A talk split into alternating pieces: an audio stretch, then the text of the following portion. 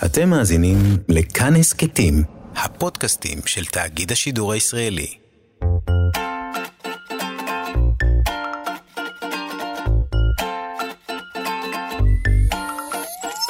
כאן תרבות מציגה. המעבדה לילדות ולילדים. ולילדים. לילדות. המעבדה לילדות ולילדים. עם גיל מרקוביץ. בשיתוף מוזיאון הטבע של אוניברסיטת תל אביב. שלום, אני גיל מרקוביץ'. מוכנות ומוכנים למסע המשותף שלנו? גם הפעם נתגלגל משאלת הפתיחה והתשובה אל שאלות ותשובות נוספות. במהלך המסע יצוצו עוד שאלות. נוכל לדבר עליהן עם סקרנים כמונו, ולהיעזר בידע שצברנו עד עכשיו כדי לחשוב ביחד על פתרונות אפשריים. וחשוב שנזכור, אין סוף לשאלות. לפעמים זה החלק הכי כיפי במסע. בואו נתחיל. בטבע דברים רבים מעוררים את הסקרנות. כבר למדנו על זוחלים, יערות טרופיים, סוגי עננים, טורפים גדולים וקטנים, קקטוסים, צבעים. כל ילד וילדה מתעניינים בדברים אחרים. המגוון גדול כל כך. מזל שגם האקדמיה גדולה, וכשמחפשים היטב, תמיד מוצאים בה חוקרת וחוקר שהמומחיות שלהם מתאימה לשאלה שלנו. זו השאלה ששאלה אותנו יעל דניס. כמה סוגי נטיפים יש במערת הנטיפים? ביקרתם פעם במערת סורק, שאנחנו מכנים מערת הנטיפים? כדי להשיב על השאלה, חיפשתי מומחה מתאים, ולבסוף הגעתי אל דוקטור אבנר אילון. אבנר חוקר את משקעי מערת סורק כבר עשרות שנים, ואני אקרא לכם את התשובה. לפני הכל נסביר איך נוצרת התופעה הזאת, שנוצרה למשל במערת סורק. מי הגשם מחלחלים דרך הקרקע, ואחר כך דרך הסלע שמתחתיה. וכשהם מטפטפים אל תוך המערה, הם גורמים להיווצרות של שקיעים גירניים, שעשויים מהגיר של המערה. התוצאה? מרהיבה. יש כמה סוגים של משקעים במערות כאלה. אחד מהם הוא נטיפים. אלה משקעים שגדלים מהתקרה כלפי מטה. לכן שמם נטיפים, פירושו מים מטפטפים. יש שני סוגים של נטיפים, אחד בצורה של מקרוני, צינורות ארוכים ודקים, והשני נטיפים קוניים, מהמילה קונוס, חרוט, שהם עבים יותר. מהצד השני, כלומר מהרצפה כלפי מעלה, גדלים זקיפים. אלה הכי נפוצים במערת סורק. כאשר זקיף ונטיף מתחברים, נפגשים, נוצר עמוד. אנו מכנים אותו עמוד מערה. נוסף על אלה, יש גם משקעים ששמם אלמוגי מערה. הם נראים כמו האלמוגים בים, אבל עשויים משקעים, משקעי זרימה. הם נוצרים על רצפת המערה או על דופנות המערה, הקירות והרצפה שלה, והם נראים כמו מים זורמים על האבן. הסוג האחרון הוא משקעי בריכות. המים המטפטפים מן התקרה נקבים לתוך המערה, ויוצרים בתוכה בריכות קטנות ומגוונות בצורתן. הבריכות האלה יכולות להכיל עד ליטר או ליטר וחצי מעוכבים של מים. סוגי המשקעים במערות כמו מערת סורק מלמדים מדעניות ומדענים מה היה האקלים הקדום. המשקעים שאנו רואים במערה הם בני עשרות ומאות אלפי שנים, כלומר הם תוצר של מי גשם שירד מזמן מאוד. המשקעים כולאים בתוכם נתונים שנאגרו ברציפות במהלך השנים. איסוף הנתונים וניתוחם מלמדים איזה סוג של גשם ירד בתקופה מסוימת באזור המערה, ובאיזו כמות, האם הייתה צמחייה או לא מעל המערה, ועוד ועוד נתונים. כך אפשר ללמוד מהן מגמות ההשתנות של האקלים במשך תקופות ארוכות. كيف يؤثر الاحتباس الحراري على الحيوانات والنباتات؟ השאלה של אחמד עוסקת באקלים שבתקופתנו. אחמד מבית צפאפא שאל אותנו איך משפיעה ההתחממות הגלובלית על בעלי חיים וצמחים. פרופסור נוגה קרונפלד שור, חוקרת בעלי חיים בסביבה הטבעית שלהם, תדע להסביר לנו את הקשר בין השתנות האקלים לבין צמחים ובעלי חיים. נשמע את התשובה של נוגה בשפה הערבית. ניזאר אל-חאטר הקליט אותה עבורנו.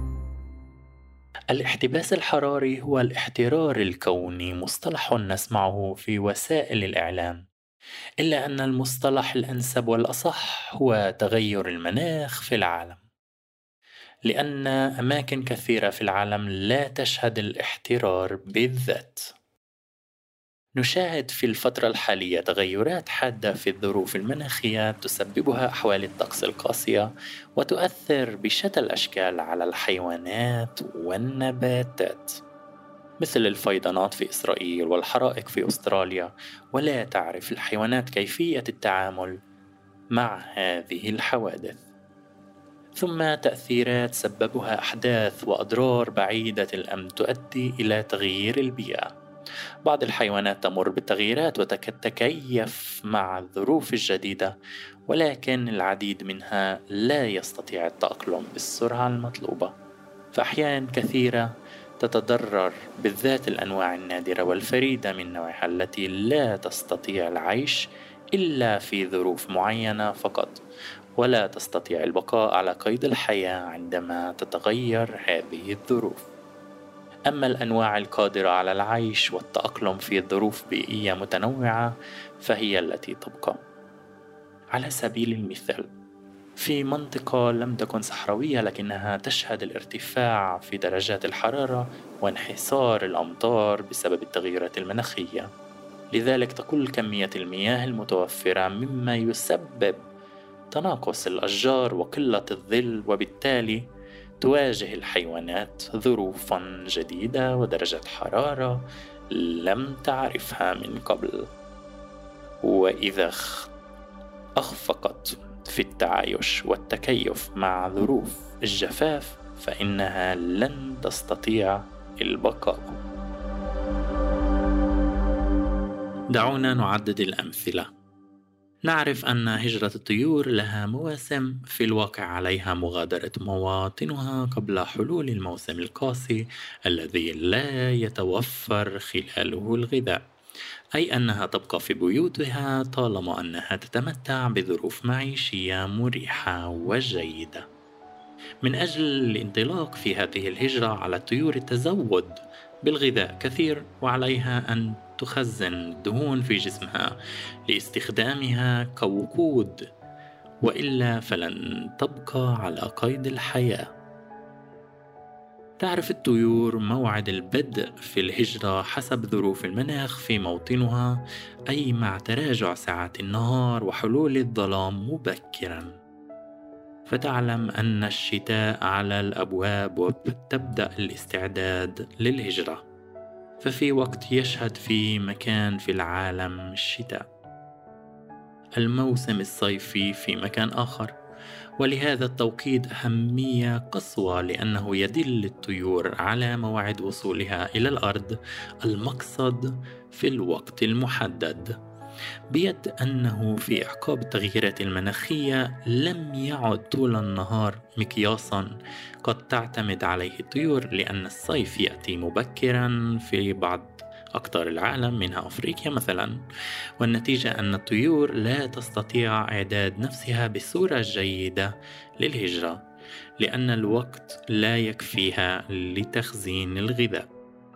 فلا تبقى دائما على قيد الحياة خلال رحلتها. أما الطيور التي اجتازت الرحلة بنجاح وأكملت الهجرة قد تجد نفسها وصلت إلى أوروبا وهي ما زالت مغطاة بالثلج. حينها لا تجد الطعام هناك أيضا. يتعلق تأثير آخر في أوروبا على سبيل المثال بتغيير السلسلة الغذائية. القرقف الحداد وهو من الطيور المغردة يطعم فراخه باليرقات.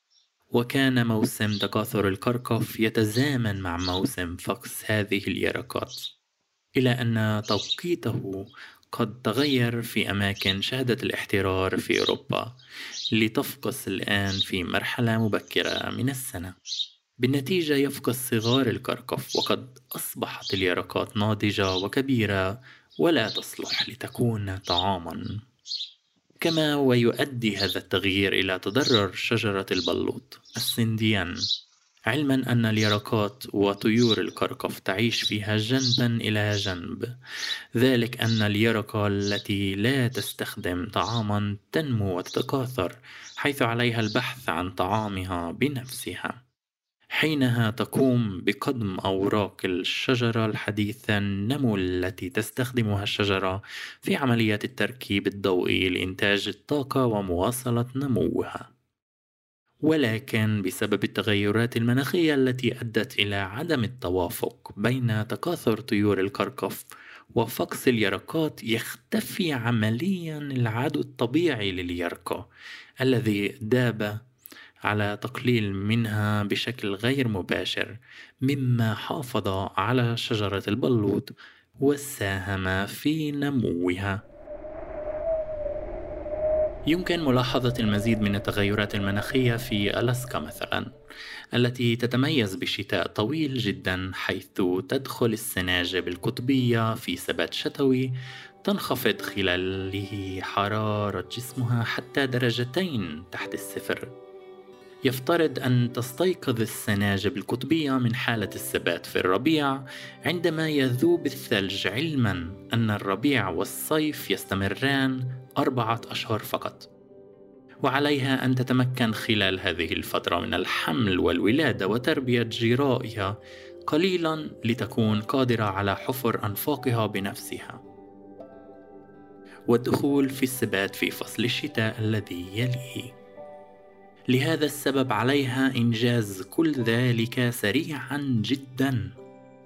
خلال فترة الثبات تلجأ جميع أجهزة الجسم إلى الخمول بما فيها الجهاز التناسلي الذكوري ومن هنا تستيقظ الذكور قبل الموعد بأسبوعين داخل النفق بهدف الاستعداد للتكاثر أي تنمية خصيتها ثم التزاوج.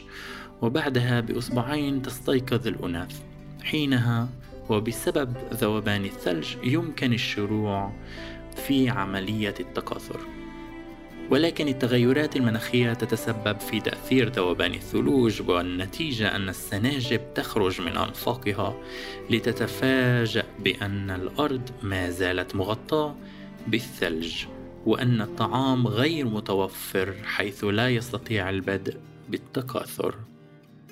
وفيما تعود الإناث إلى النوم لا يستطيع الذكور العودة إلى حالة الثبات لأن خصيتها قد كبرت وقد أعدت جسمها عمليا لفترة النشاط في الربيع.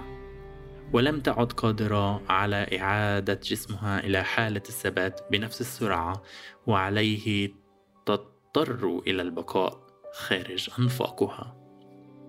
وبما أنها لا تجد الطعام وبسبب الثلج فإنها تنفق من الجوع وعندها تستيقظ الأناث مجددا لتكشف بقاء عدد قليل من الذكور وبهذا تتضرر عملية التكاثر وتنخفض أعداد هذا النوع.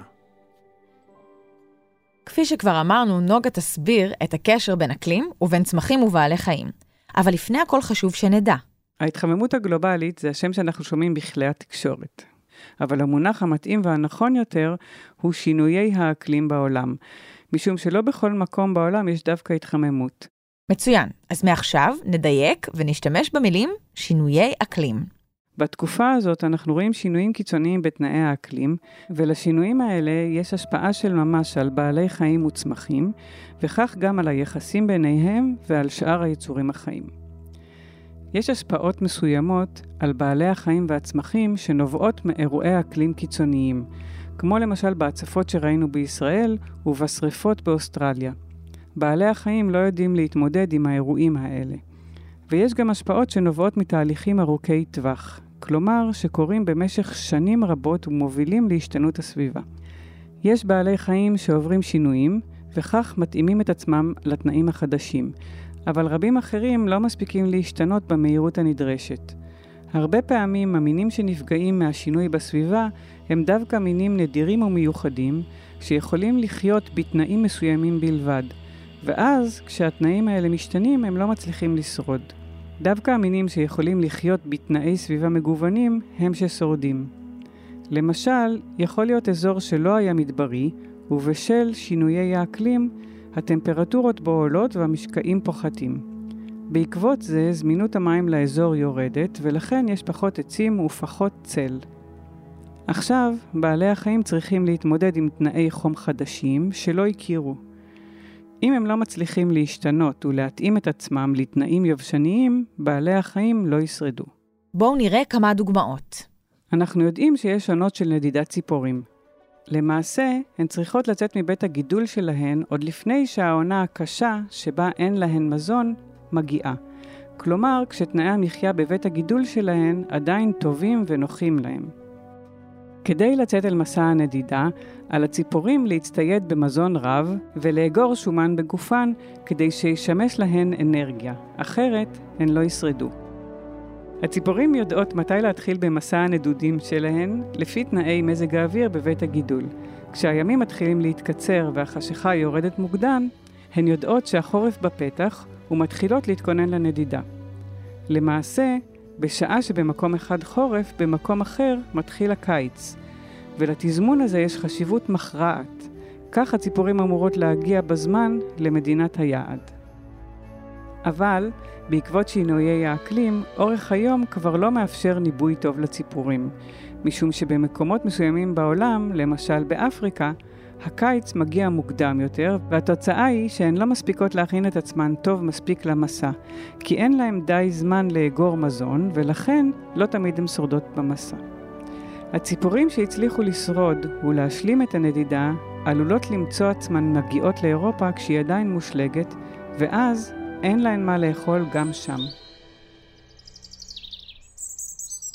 עוד השפעה של שינויי האקלים באירופה למשל, קשורה בשינוי של מארג המזון. הירגזי, שהוא ציפור שיר, מאכיל את הגוזלים שלו בזחלים. עונת ההתרבות של הירגזי הייתה מקבילה לעונת הבקיעה של הזחלים הללו. אבל במקומות שהתחממו באירופה, השתנתה עונת הבקיעה של הזחלים, וכעת הם בוקעים בשלב מוקדם יותר בשנה. התוצאה היא שכשבוקעים גוזלי הירגזי, הזחלים כבר בוגרים וגדולים מדי ואינם מתאימים לשמש מזון. בעקבות השינוי הזה, נפגע גם עץ האלון שבו חיים הזחלים והירגזים בצוותא. מכיוון שהזחלים לא משמשים מזון והם מתרבים וגדלים, עליהם לדאוג לעצמם לאוכל, אז הם מנשנשים את העלים הצעירים של העץ. באמצעות העלים, העץ מבצע את תהליך הפוטוסינתזה שיוצר בשבילו את האנרגיה שלו. באמצעות האנרגיה הזאת העץ גדל. בגלל שינויי האקלים, שיצרו את אי ההתאמה בין התרבות הירגזי ובקיעת הזחלים, נעלם למעשה האויב הטבעי של הזחלים, שבעקיפין הפחית את מספר הזחלים ולמעשה שמר על העץ וסייע לו לגדול. עוד שינויי אקלים אפשר לראות למשל באלסקה. בחורף הארוך מאוד באלסקה, הסנאים הארקטיים נכנסים לתרדמת חורף, ואז טמפרטורת הגוף שלהם יורדת עד מינוס 2 מעלות צלזיוס. הם אמורים להתעורר באביב כשהשלג מפשיר. האביב והקיץ אורכים בסך הכל ארבעה חודשים, ובהם הם אמורים להספיק להיות בהיריון ולהמליט וגם לגדל מעט את הגורים, כדי שיהיו מסוגלים לבנות בעצמם מחילות ולהיכנס לתרדמה בחורף הבא. לכן הם צריכים לעשות הכל מהר מאוד. בזמן התרדמה, כל המערכות של הגוף, כולל מערכת הרבייה של הזכרים, מנוונות. לכן, הזכרים מתעוררים שבועיים קודם בתוך המחילה כדי להיות מוכנים לרבייה, לגדל את האשכים שלהם ולהזדווג. שבועיים אחרי הזכרים הנקבות מתעוררות, ואז, כשהשלג כבר הפשיר, הם יכולים להתחיל בפעילות ההתרבות. אבל בגלל שינויי האקלים, השלג מפשיר מאוחר יותר משהיה, והתוצאה היא שהסנאים יוצאים מהמחילות ומגלים להפתעתם שהקרקע עדיין מכוסה בשלג ושאין מזון זמין, ולכן הם לא יכולים להתחיל בפעילות. משום כך, הנקבות חוזרות לישון, אבל הזכרים לא יכולים לחזור למצב התרדמה כי הם כבר גידלו אשכים ובעצם הכינו את הגוף למצב אביב, לפעילות. והם לא יכולים להחזיר את האשכים ואת הגוף למצב תרדמה באותה מהירות. לכן, הם נאלצים להישאר מחוץ למחילות, אבל לא מוצאים אוכל בגלל השלג ומתים ברעב. בהתעוררות הבאה של הנקבות הן מגלות שיש מעט מדי זכרים ששרדו, וכך נפגעת הרבייה ואוכלוסיית המין מצטמצמת.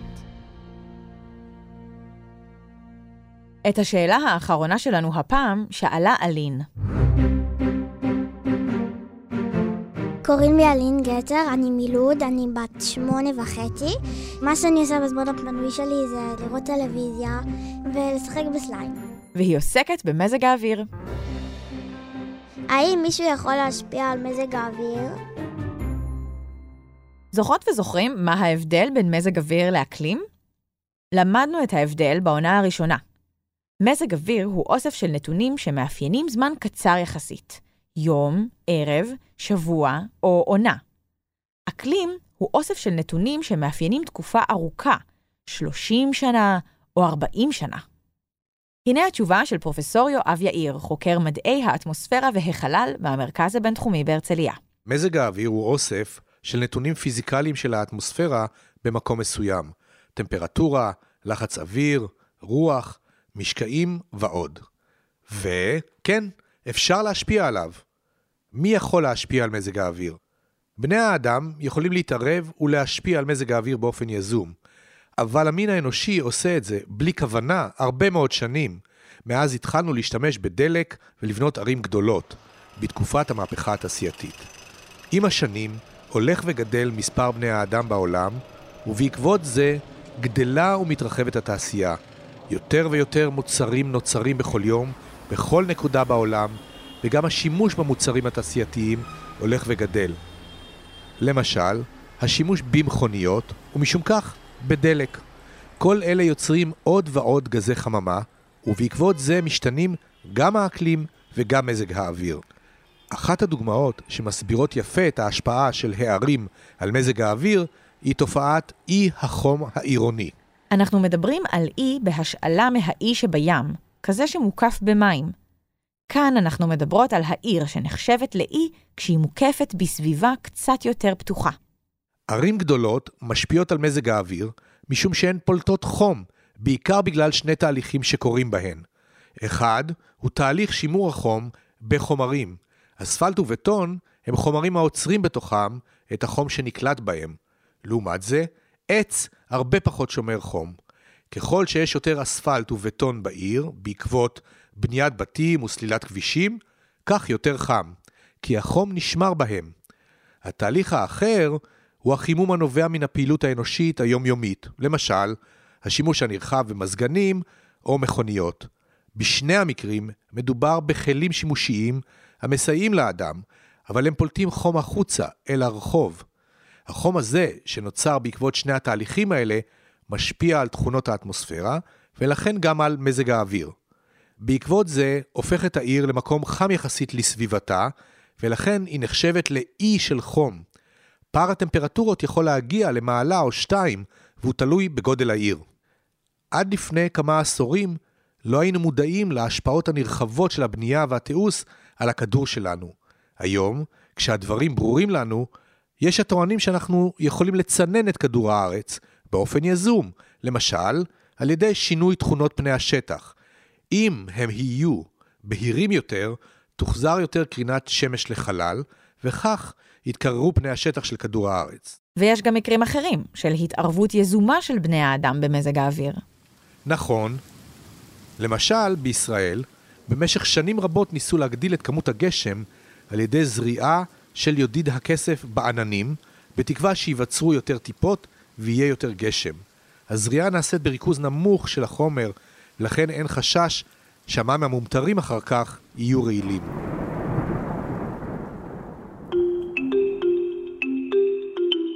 בואו נסכם את הפרק.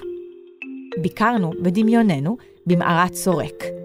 אפשר למצוא בה כמה סוגים של משקעים. נטיפים הוא סוג אחד, יש גם זקיפים, וכשנטיף פוגש זקיף, נוצר עמוד מערה. סוג אחר של משקעים הוא אלמוגי מערה, ויש גם בריכות.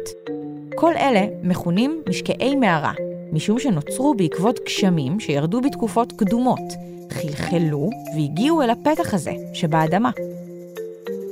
כמות המשקעים היא אחד המדדים שעוזרים לנו ללמוד את האקלים במקום מסוים ובמשך זמן מסוים. כך הגענו לעסוק בשאלה איך שינויי האקלים משפיעים על בעלי חיים וצמחים. שינויי האקלים יוצרים שינויים קיצוניים במזג האוויר, ואלה מפרים את התנאים שבעלי החיים והצמחים רגילים לחיות בהם. אם המאפיין משתנה במהירות, הוא לא מאפשר לבעל החיים להסתגל לשינוי, ובעל החיים עלול להיפגע. למדנו שיש ציפורים שעלולות לא לסיים את מסלול הנדידה שלהן, כי לא היה מספיק מזון לאגור בתחנת היציאה. כשעונות מתחלפות מהר מדי או לאט מדי, אז מתחלפים גם הזרעונים והזחלים שזמינים בשטח. הציפורים לא יכולות להצטייד במזון המתאים, בכמות הנכונה, ומגיעות למצב מסוכן. וזו רק דוגמה אחת. השינויים הקיצוניים גרמו לנו לתהות. האם יש מישהו שיכול להשפיע על מזג האוויר? למדנו שבני האדם מתערבים במזג האוויר כבר מאות שנים. ההתערבות קורית משום שמספר בני האדם בעולם הולך וגדל. זאת אומרת שהפעלה של מזגן אחד בבית משפחת חתוקה במשך ארבע שעות באחר צהריים חם לא מבזבזת יותר מדי אנרגיה, ופליטות החום שפולט המזגן לרחוב הן במידה סבירה. אבל אם כל דיירי העיר וכל דיירי העולם שנמצאים גם הם בעונת קיץ חמה ידליקו מזגן באותו הזמן, אז הכמות המשמעותית של מזגני האוויר תשפיע גם על מידת החום בערים. אם נחבר את כל הפעולות שעושים בני האדם, נגלה שהסכום גדול מאוד. כלומר, ההשפעה גדולה. אילו שאלות שאלתם את עצמכם בזמן האזנה לפרק? תודה רבה לדוקטור אבנר אילון, פרופסור נוגה קרונפלד-שור ופרופסור יואב יאיר. תודה למפיקת התוכנית רות דוד אמיר, שלומי יצחק, ליטל אטיאס, אריאל מור דבורה סוויסה ורומן סורקין הם הטכנאים באולפן. תודה לירדן מרציאנו שהביאה את התוכנית לשידור. תודות מיוחדות לעורכת הסאונד שלנו רחל רפאלי, דוקטור סמדר כהן, עורכת שותפה ויועצת לשון, נור דראושה וניזאר אל-חאטר, מלחין, מנצח, עורך ומגיש את התוכנית אלחן, בכאן תרבות. מוזמנות ומוזמנים לחפש את התוכנית. תודה לכם ולכן ששלחתם אותנו לחפש תשובות לשאלות מרתקות. אני גיל מרקוביץ', מזמינה אתכם להאזין למעבדה לילדות ולילדים, גם ביישומון כאן. ואנחנו נשתמע בפרק הבא.